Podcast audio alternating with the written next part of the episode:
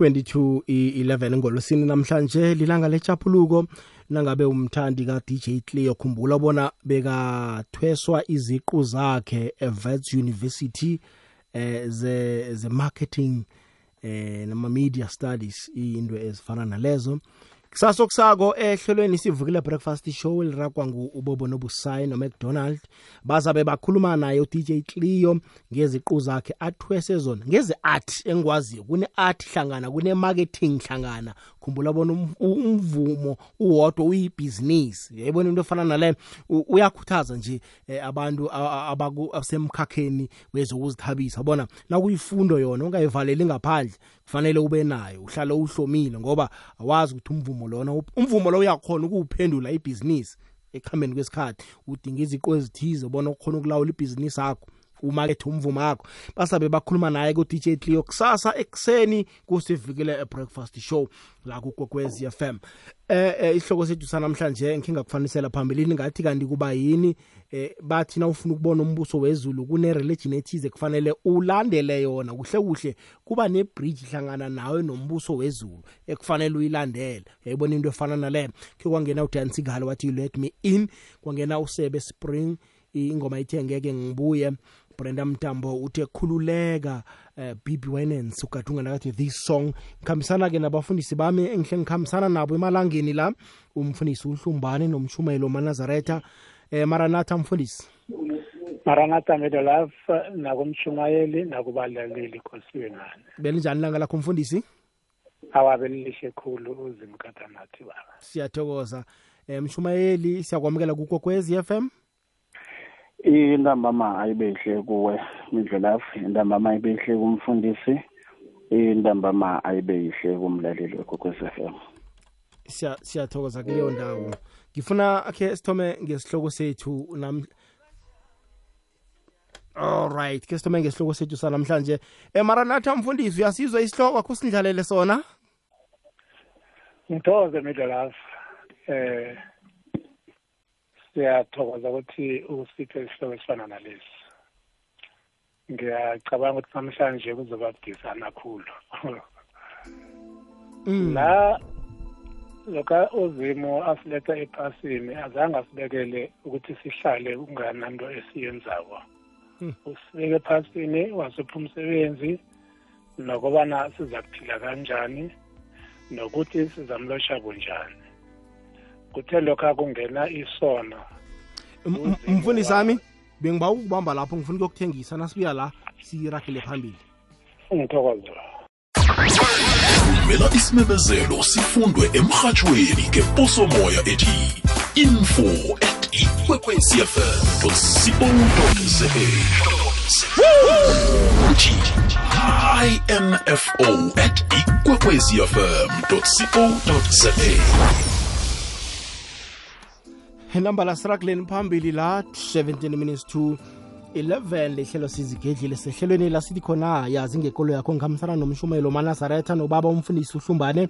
Indaba ekulukazi la na ufuna ukubona umbuso wezulu kufanele ulandele ikolo ethize. Uyikristiyeni ngushembe ku-islamic ikolo nje yakho oyilandelako kuba yini?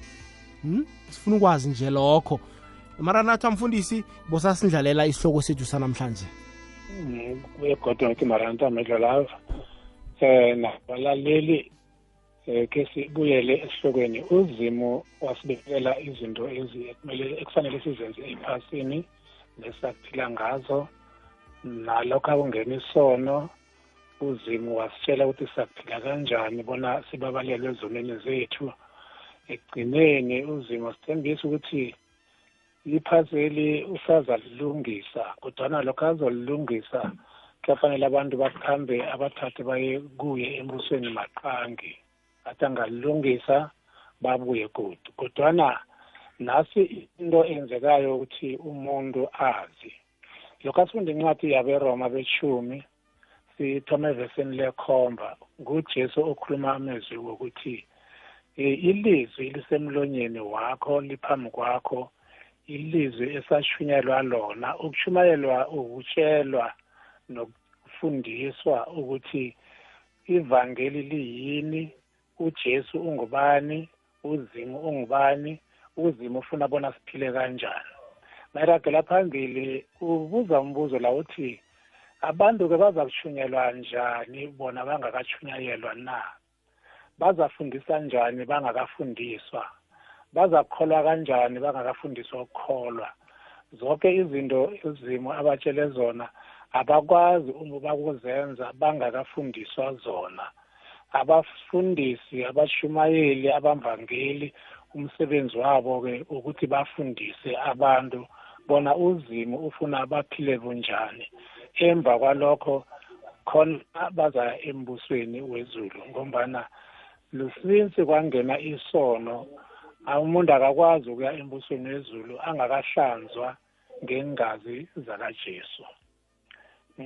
Baleke ngiye encwadini yaberoma eh incwadi kaJohn isahluko ngesechumi nane. Sithoma evesini lokuthoma or akhe ngithome lapha esahlukweni sesithathu. Ngithome evesini lesithathu ngifunde nelesihlanu ivesi lesithathu lithi uJesu waphendula wathi kwamambala ngiqinisile ngithi akakho noyedwa oza kubona umbuso kazimo ngaphandle kobanyana abelethwe butsha. Verse 5 ithi uJesu waphendula wathi kwamambala ngiqinisile ngithi kuwe akakho noyedwa oza kungena embusweni kazimu ngaphandle konyana abelethwe ngamanzi nangomoya. Kuthi la ngaphandle kokuthi umuntu abelethwe kabutsha angeke awubone umbuso wezulu. Sabelethwa sakhula sakhulela esonweni. Kuthi lapha sasithunyayezwa sisijuguluka ezonweni zethu uthi sifanele sibhabhadiswe. Ekubhabhadisweni kwethu sivumile izono salizwa izwi. Konke lokhu kwenza ukuthi umuntu-ke akwazi ukuya embusweni wezulu ngombana uvume izinto uzimo amtshele bona azenze. Uyathoma-ke uyazenza ze akwazi ukubona umbuso wezulu. Ngiragele phambili incwadi kajohanesi isahluko seshumi nane lokho awuyithoma evesini yokuthoma uyogcina evesini lekhomba.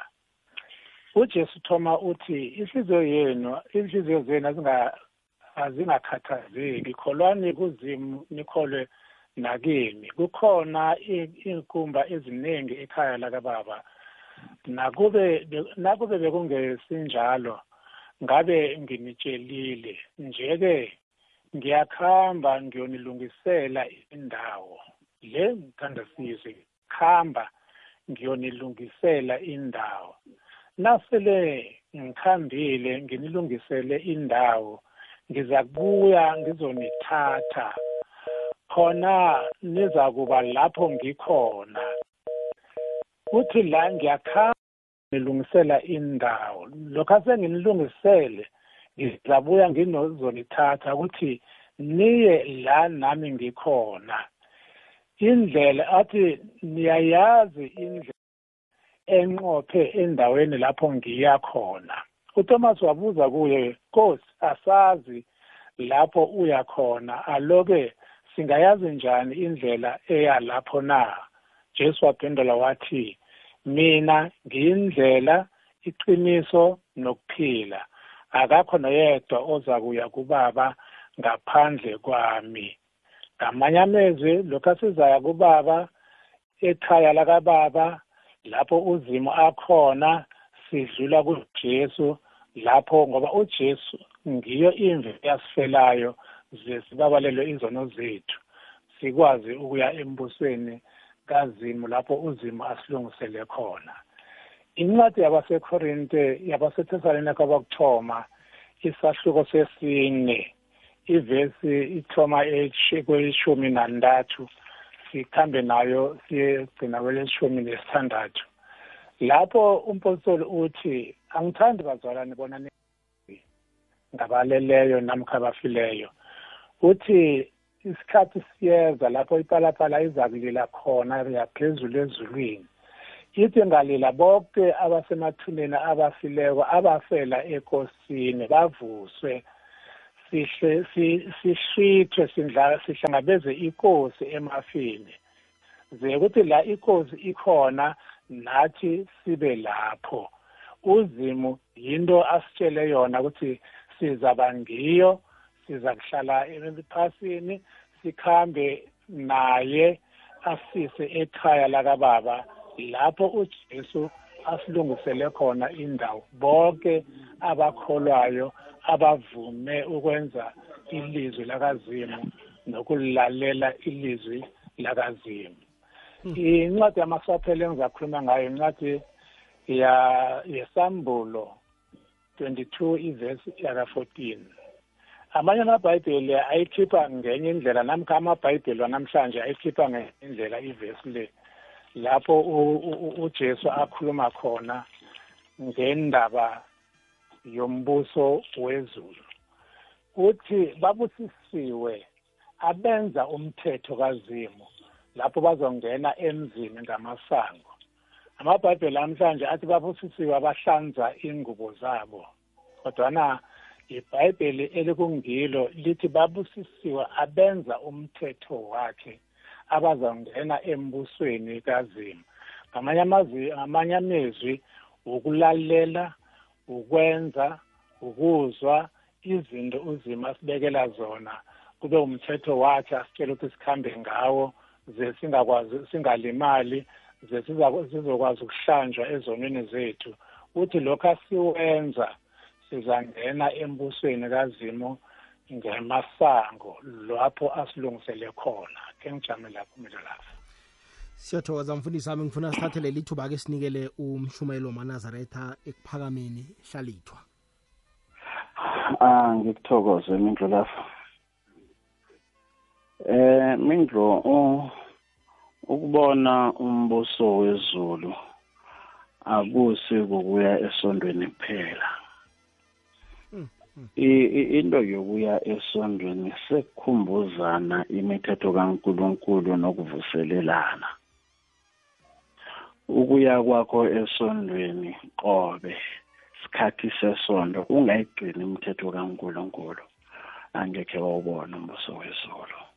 Ngabe bowubone ngilo ongayi esondweni oyigcina kweminye imithetho ngcono kunawe oyesondweni uma sicala ibhayibheli mindlolavu Matthew 19 verse 17 kunendoda la ithi Jesu ufundisa ngombuso wezulu ngenze njani ukuze ngubone umbuso wezulu?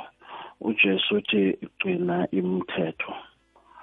Uthi miphi umlayela imithetho elapha ku-Exodus 20 mayelapha ku-Exodus 20 awukho othi nje umuntu uyesonto nelithile. Siyayazi sonke. Injehova unkulunkulu wakho wakhipha ezweni legibhite umthetho number one. Ungabi nabanye unkulunkulu ngaphandle kwami.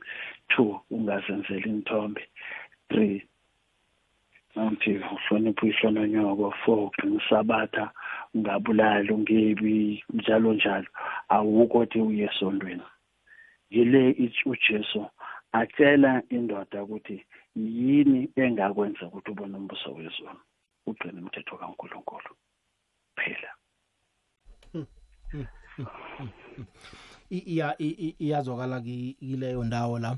Khuluma indaba ekhulu umshumayeli uthi hayi ke ukuya kwakho esondweni akutsho bona umbuso wezulu uzowubona ngoba kunabayako nomthetho kasomnini e, banga ukugcini. Eh maranatha ake singene la.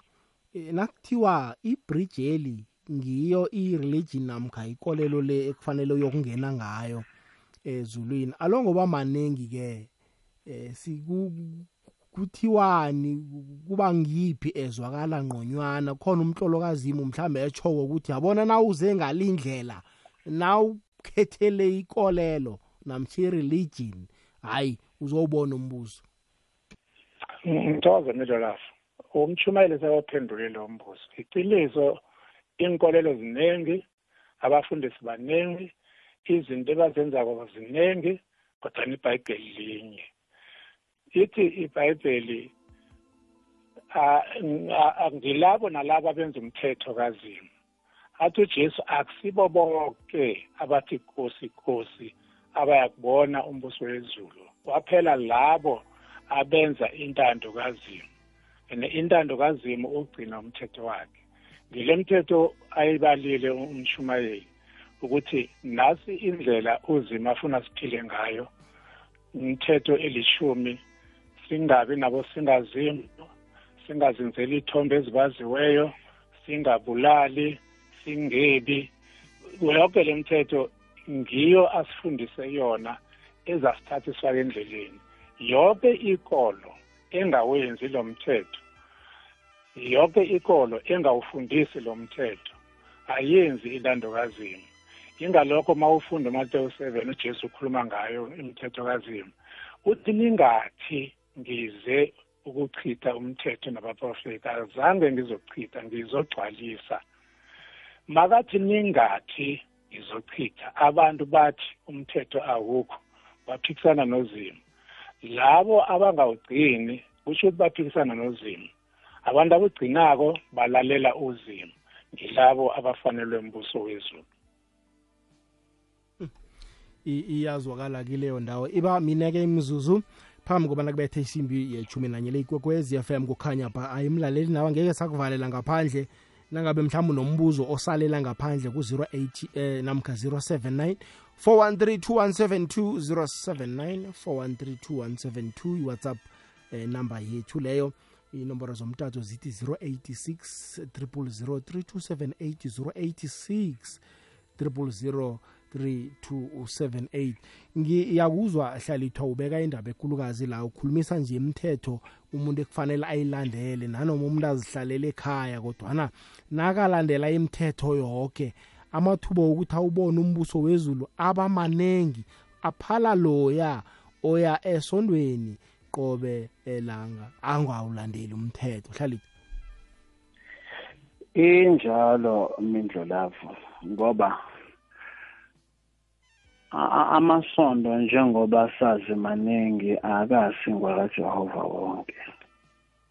Noma siphatha iBhayibheli elifanako sifunda iBhayibheli elifanako mara amasondo angagcini imithetho engaphakathi kweBhayibheli esilifundayo akasiwa amasondo alotsha uNkulunkulu okhulunywa ngaye eBhayibhelini. Bazilotshela omunye uNkulunkulu oseqadi. Ibhayibheli liyathi sikhanyisa kuphela mindlolavu manje umbuso wezulu sikholelwa ukuthi ungokankulunkulu lo esikhuluma ngayo ebhayibhelini manje uyibeka-ke kuqaqe izwi lenkosi ukuthi ozokubona umbuso wezulu. Ngilogcina imithetho kunendoda mindlolavu e, e, e, ekade ingayi esondweni. Iya kujesu bathi ibikade imthelise. Ithi Jesu umntanami uyagula. uJesu uthi ngizaya ngizombona ithi indoda le a isho ngezwe kuphela ngiyazi ukuthi uzokuphola. Nakutsho wena. uJesu uthi ukholwa okungaka baningi abantwana engihamba nabo engekhe bawubona umbuso wezulu ngenxa yongakholwa kodwana kunabantu abangakhambi nabo abazawubona umbuso wezulu ngenxa yokholo lwabo abanalo kibo. Ukuthi ngikhamba nani nje anikholwa ukuthi kunento engingayenza ima-miracles angaka. Mara umuntu nangu akakhambi nami uyakholwa. Manje kukaningi-ke imindlolavu ngoba uma uqala e-, ebhayibhelini izinto eziningi nasi indoda ikhule ingawenzi umthetho kankulunkulu. Ikhule mhlawumbe izengula ilelesa yenza ama-heist yenza zonke izinto. Uma bazobethela ujesu kuthiwa abamuse nesigebengu ngoba sigebengu bathatha yona indoda bayibethela naye. Indoda le ithola inhlanhla yinye. Ukuthi Jesu ngikhumbule na ufike embusweni kababakho azange iye esondweni azange yenze next nje ithole inhlanhla yokuthi Jesu ngikhumbula yakurabhela na ufike embusweni kababakho uJesu mindlela akambaleli izinto eziningi. Ukuthi wena kade wenzani wena kade wenzani. Uthi kusihla bebunami eparadise wena. Hmm. namhlanje kusihla bebunami eparadise. Hmm. hmm. uthole inhlanhla last minute. Manje ukwenza kuhle kungenzeka mindlo lapho ukuthi abo-right bakho bangakhansela abo-wrong bakho. Kuya ngokuthi abo-right bakho banamandla kangangani lithi ibhayibheli kunomfazi ebekathengisa ngomzimba. Nedokweqisa inhloli zikankulunkulu. Lithi ibhayibheli norahabi isifebe waqolelwa. Manje ukuya esondweni mindlwelava asiyeli umbuso wezulu. Ukuya esondweni siyela ukuthi uzima sithethelele yingakho ujesu athi nanitandazako nithi baba wethu sizulwini sithethelela amagari ethu nathi njengoba sibathethelela. But okungenisa ezulwini khona ugcina imithetho. I- i- iyazwakala tharini sincancabeze kodwa ngegamela ekhe siwaliphatha heyi Ah, alihlala libhalwe ebhayibhelini angeke silibeke. Kusho ibhayibheli ithe norahabi isifebe ayibeki ngokuhlonipha. Lisho njalo ibhayibheli. Ya. Angazi umfundisi Ah, angangibikiza emoyeni singalikhulumi ngiyavuma lingaba khona kodwa emoyeni yeyi ngiyaluma lumela ngikuzwa kuhle mindlo lavo mara silikhuluma ngesondweni ngoba libhalwe ngebhayibhelini. Alright sizayibona kuleyo ndawo. Mfundisi u- uyayibeka la umshumayeli uyayibeka iyazwakala. Alo ngoba kuba khona abanye abantu abaphilako ephasini bahlulela umuntu ongayi esondweni. Bona kube kwangathi umuntu onekule ngeke awuboni nombuso wezulu ungathini kulokho? Iqiniso abantu babahlulele libhayibheli lithi ungahluleli. Iqiniso nandimilo lavo asiqale esimini yase-edeni lapho isono besingakangeni khona. U-adam no-efa babekwe esimini yase-edeni kodwana uzimo begade abavakashela ngaso sonke isikhathi bebasazi isikhathi uzimo azofika ngaso. Ngamanye amezwi namkha ungaye esondweni kunesikhathi la kufanele uhlangane nozimo khona. Lokho ungayi-ke uzohlangana naye kuphi nini la nivuselelana khona ngoba uqinisele umshumayeli ukuvuselelana ukuya enkonzweni akuthi umuntu oye enkonzweni nguye ozoya embusweni kuyazwakala 079 413 2172 079 413 2172 namkha ku-086 000 3278 086 000 3278 inomboro zemoyeni lezo. Imlaleli kokwezi FM sikhuluma indaba ekulukazi la indaba yokuthi eh umuntu akakha ubona umbuso wezulu angakajiki ekolweni ethize bayayibeka kabo baba iyazwakala nawe-ke na ungasaleli ngaphandle godu nakunokuthize nje mhlambe mbuzo osalelako unelungelo lokuba na ungene nawe uphawule utsho ukuthi so so so u- udzubhule ngendlela odzubhula ngayo hmm? sithumelele i-whatsapp voice note 079 413 2172 naku-086 000 uh, 32 78 vumela isimemezelo sifundwe emrhatshweni ngeposomoya ethi info at ikwekwecfm co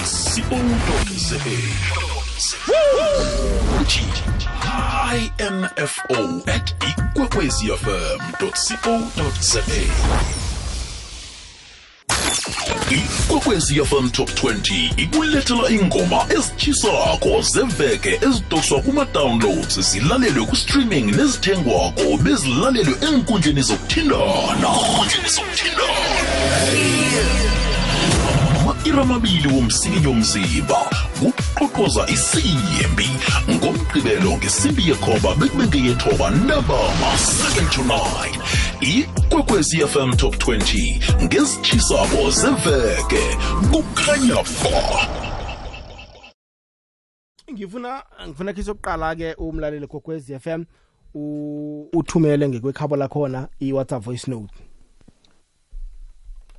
Lotsha mindlola ngilotshise nabafundisi bami ngapho eyi ngiyasizwa isihloko sakho namhlanje simnandi. Nabafundisi ngiyababonga bobabili bangendlalela yona kamnandi indaba yanamhlanje. And then umbono wami uthi mindlolavu angiboni ukuthi ma kumele ungene embusweni wezulu kumele ube ngowenkolo ethile.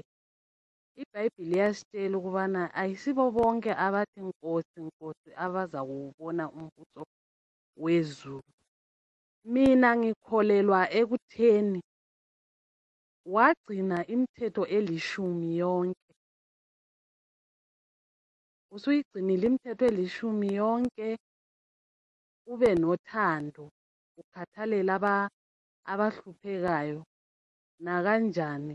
Umbuso wezulu zabo uzawu- uzawubona irregardless of ukuthi wena ubuya kuyiphi inkolo. Yiwumbono wami namhlanje lo. Siyathokoza umbono wakho. Hlalithwa kaningi haye ngibone uh, siba abantu nje siphila. Umuntu ubona kwangathi ikolo yakhe ingcono kuneyomunye. Umuntu osonto esondweni elithize ungcono uyowubona ngcono umbuso wezulu kunaloyo sonto esondweni b. si siyamadanisa amasondo la. Ungathini kilokho hlalithwa khona mindlu lapho. Lokho angekhe ngikubalekele. I- isondo lifana nomkakho you choose the best. Omunye nomunye ubona umkakho angcono kunabanye abafazi ngoba ukhethe yena kunabanye abafazi. Then nomunye nomunye ubona isondo akilo lingcono kunamanye amasondo ngoba ulukhethe ehlangana namasondo amanye. Mara okubaluleke khulu ngamasondo mindlu lapho imithetho kaNkulunkulu transparent ayikakafihleki. Ibhalilwe ukuthi wonke umuntu ayibone ayifunde. Wonke umuntu uyazi okuhle nokumbi. Abantu abenza ukumbi bakwenza ngabomo bazi ukuthi kumbi. Abantu abaphikisa ibhayibheli benza ngabomo baliphikise balifunde nje babone ukuthi siyaliphikisa.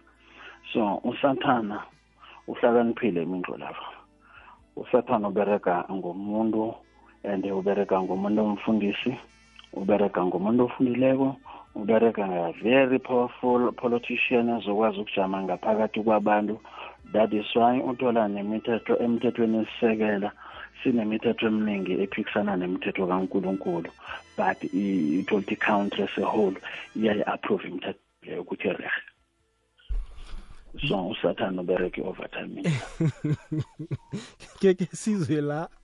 Angikulotshise emindlo lavo ngilotshise abefundisi ngilotshise nawe okhulumako nguprince ngapha ngesiyabo soduze ne-taxi rank. Mindlo lavo eh abantu uqinisile umshumayeli makade ebhayibhelini sikostele silandele eh umthetho. Inkinga thina sibulawa ukuthi sifuna ukulikhonza ibhayibheli sifuna ukulandela imithetho yakade lekade yenziwa sikholelwe kiyo. Ukhumbule kuhle lapha ezwini elinye lapha lithi eh aba ababhubhileko abasakwazi ukuhlangana nabafileyo. Nabaphilako mana ababhubhileko asikisi abasakwazi ukuhlangana nabaphilayo. Ikinga ukuthi thina abantu sibulawa ukuthi ngoba lona liyatsho lithi asisakwazi ukuhlangana na- nalaba abafileko manje bona bafuna ukuhlanganisa izinto ezinjalo ukuhlangana eh, eh, ukuhlanganisa abantu aba ababhu- aba- ababhubhileko nabantu abaphilako bafuna ukuhlanganisa lokho. That, that means ukuthi siyalikhonza ibhayibheli. Tsho ukuthi siyakholelwa kilo ibhayibheli masibabantu asinayo ikolelo kungiyona yona yona thina masimakholwa and kufuneka ukuthi umuntu akholwe amazi uJehova.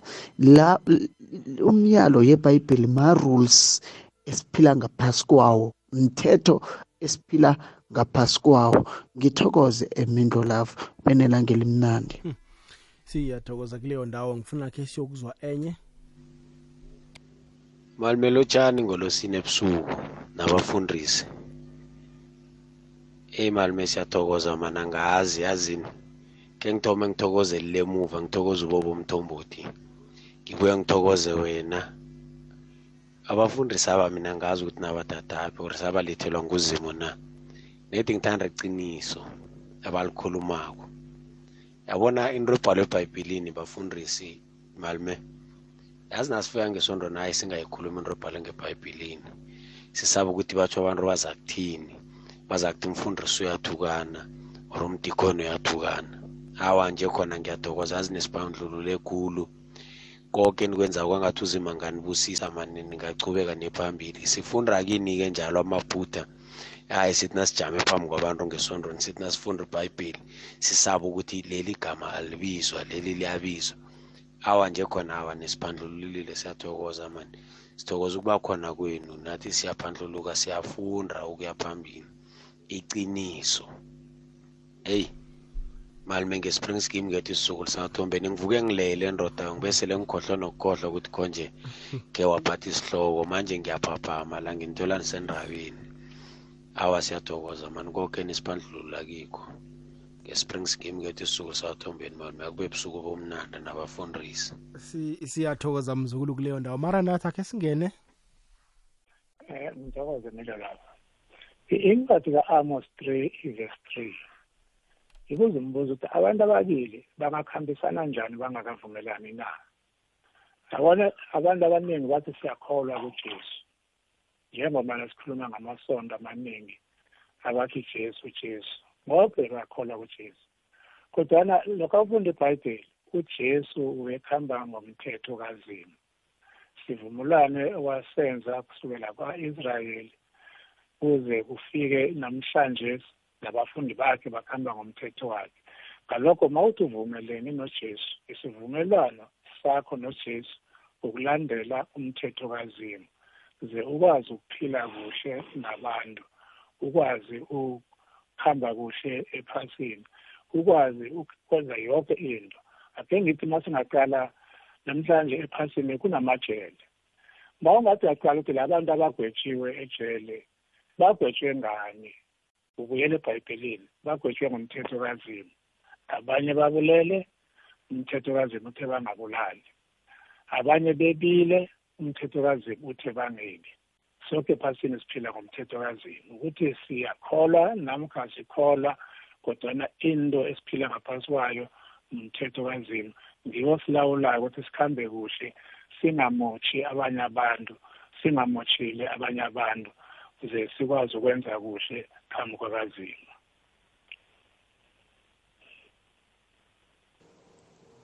Atsha Mindlolavu, atsha Mindlolavu, Mindlolavu Henry Namadumane. Eh ngikulotshise Mindlolavu, ngilotshise nabafundisi bami ngithembe ukuthi hayi ilanga leholiday namhlanje liniphethe kuhle. Eh Mindlolavu ngisaba ukubuza la kubafundisi bami ukuthi okay mina njengami ngisondile eZayoni ngasonda isikhathi eside nje sengimuntu ovakashela zonke lenkonzo la engihalela ukuya khona ngesondo ngiyakhona so ngaleyo ndlela ngazi mina ukuthi ngizawubona umbuso wezulu namka awa. Ngithokoze emindlelavu endrina umadumane. Hlala ithwana kumbuzo. Eh ngithe indlolavu whether uyaya esondweni Mm. whether ubhalise ngaphasi kwelinye isondo kunento eziningi ezikhulunywako. One ujesu uthe bhabhadiswa uzokubhabhadiswa njani ungayi esondweni? Mm.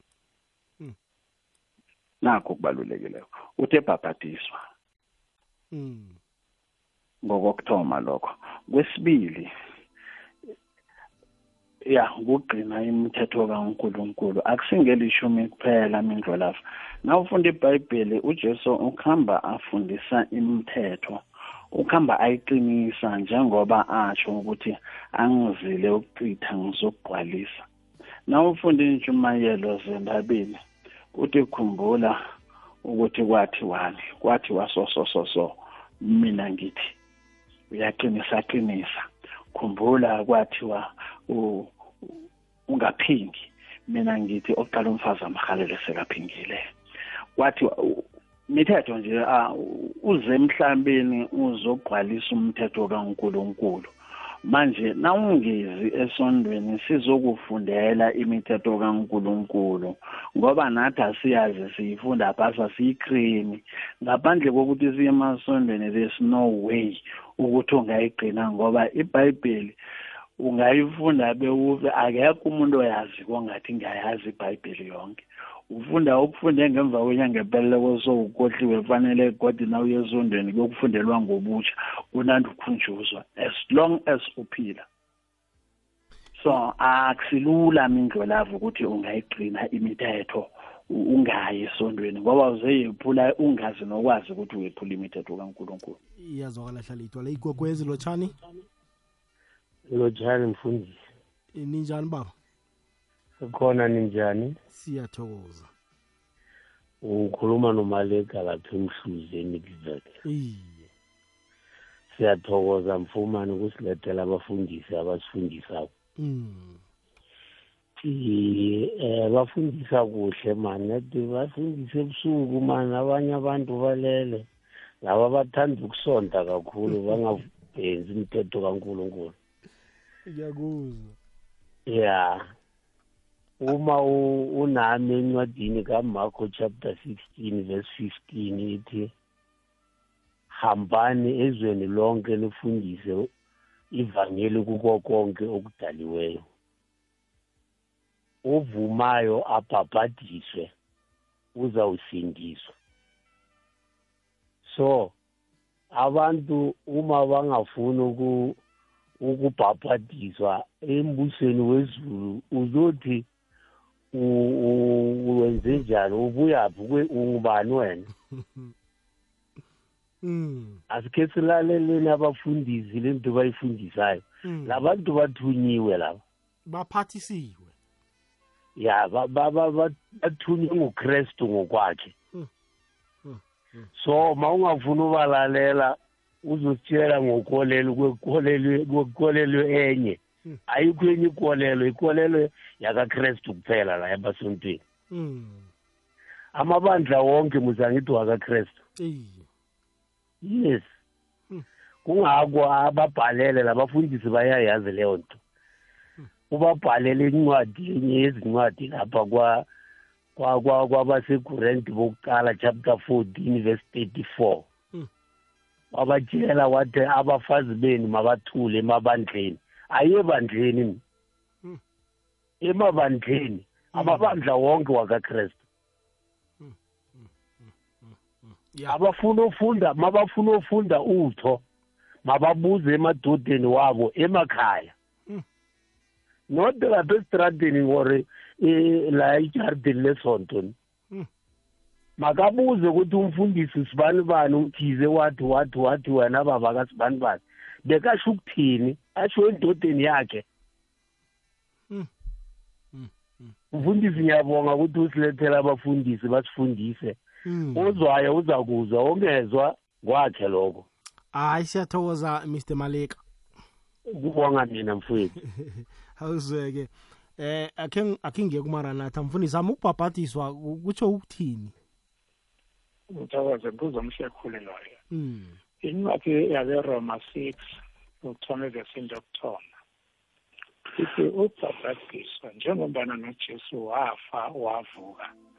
Umbhabhadiso ujamele ukufa nokuvuka kwakajesu. Ngamanye amezwi ujesu lokhu afako begade afela izono zabantu athwele imithwalo yabantu. Wavuka waphila. Ithi umuntu makabhabhadiswayo kufana nomuntu ofile empilweni yakhe yezono. Lokhu avuka uvuka nomzimba omusha nempilo esha izinto zakade bekade azenza kasazenzi umfanekiso-ke wokufa nokuvuka kwakajesu ithi ufile nokrestu wavuka nokrestu ujamele lokho umbhabhadiso eh, kuyazwakala hayi ngifuna hlalithwa sivale eh, kwanele mhlawumbe amagama akho wokugcina ungawagcizelela ungathini? Mm, ngaphandle nje kokuthokoza mindlulavu um a- abantu a- abafunde mindlulavu u- u- bafunde usathana. Naso engingayigcizelela umuntu ufanele afunde usathana. Wafunda usathana then uzobona umbuso wezulu usathana uthanda umuntu okwatileko abantu bazi nje usathana uthanda umuntu okwatileko usathana uthanda umuntu one-depression usathana uthanda umuntu over excited ungena ngaphakathi kwabo abantu ababasebenzise bese uyazisola kusasa ukuthi bewenzani na uzisola kusathana aphuma ayokufuna another target. Mm. A- a- abantu abamfunda usathana bangakwati masinya A- abantu nje bayabulalana imindlo lavo kwenzeka izinto ehlekisela umzimba abantu nje ma bangafunda ibhayibheli imindlo lavo before bazoya emasontweni khulukhulu bafunde ibhayibheli. Debate ungasabi ukudebata ngendaba zikankulunkulu. Mina at any given time mindlo lavo umuntu ofuna ukudebata nami is available nofuna ukubuza uvumelekile at any given time uyangithola enambeni ethi 082 423 4572 082 423 4572 any noma ufuna ukubuzani noma ufuna uku-argywa ini noma ufuna ukuthi ihlalidwa ngakuzisho soso uyithathaphi into leyo? Mm. noma kukunini i'm available. Kufacebook Yeah, hlalithwa facebook? Amanazaretha on airwaves. Noma Amanazareth. hlalithwa kabini. Amanazaretha on airwaves lipheji lami lelo. Noma hlalithwa kabini uyangithola lapho. Si- sithokozile hlalithwa impela vekeda ikuphathe kuhle nomndeni akho ngiyathokoza mindlolavu inkosi ibusise inkosi imbusise umfundisi nomlaleli obeka indlebe namhlanje inkosi imbusise maranatha mfundisi asiyivale ngamagama akho okugcina. Ngithokoze midlalaza eh ku- kunobaba okhulunywa ngokuthi kufanele siye esondweni wonke amasondo ongwakaziyo eh angikhambisani naye 100 percent ngombana kunabafundisi amasondo kungowabo. Nabantu abalosha abafundisi. Makathi umfundisi wami ucedile wenza izinto ezishiwo ngumfundisi wakhe. Ujesu uthe senze izinto ezishiwo nguzimo. Athi naye ujesu yonke into engiyikhulumako akusingeyami ivela kuzimo. Yonke into engiyenzako angizenzeli ngenziswa nguzimo. Nathi lokhu asikholwako kufanele izinto sizenzako senziswe ngujesu nesizikhulumako sikhulunyiswe ngujesu. Neenkonzo zethu amasondo angabi ngawethu akawe ngawakajesu ibandla lakazimu sathi ibandla lakazimu sizokwazi ukwenza izinto zakazimu. Nami ke ngishiya amanamba ami ukuthi lokho umuntu afuna ukwazi ngemaranatha nesabatha a- a- a- angithindi ithi zero seven nine two eight nine one six eight five. Ngithi maranatha kumshumayeli nakwemiddlelas nakubalaleli ibuyelele kodwa umfundisi zero seven nine two eight nine one six eight five. Sithokozile bafundisi bami impela veka iniphathe kuhle.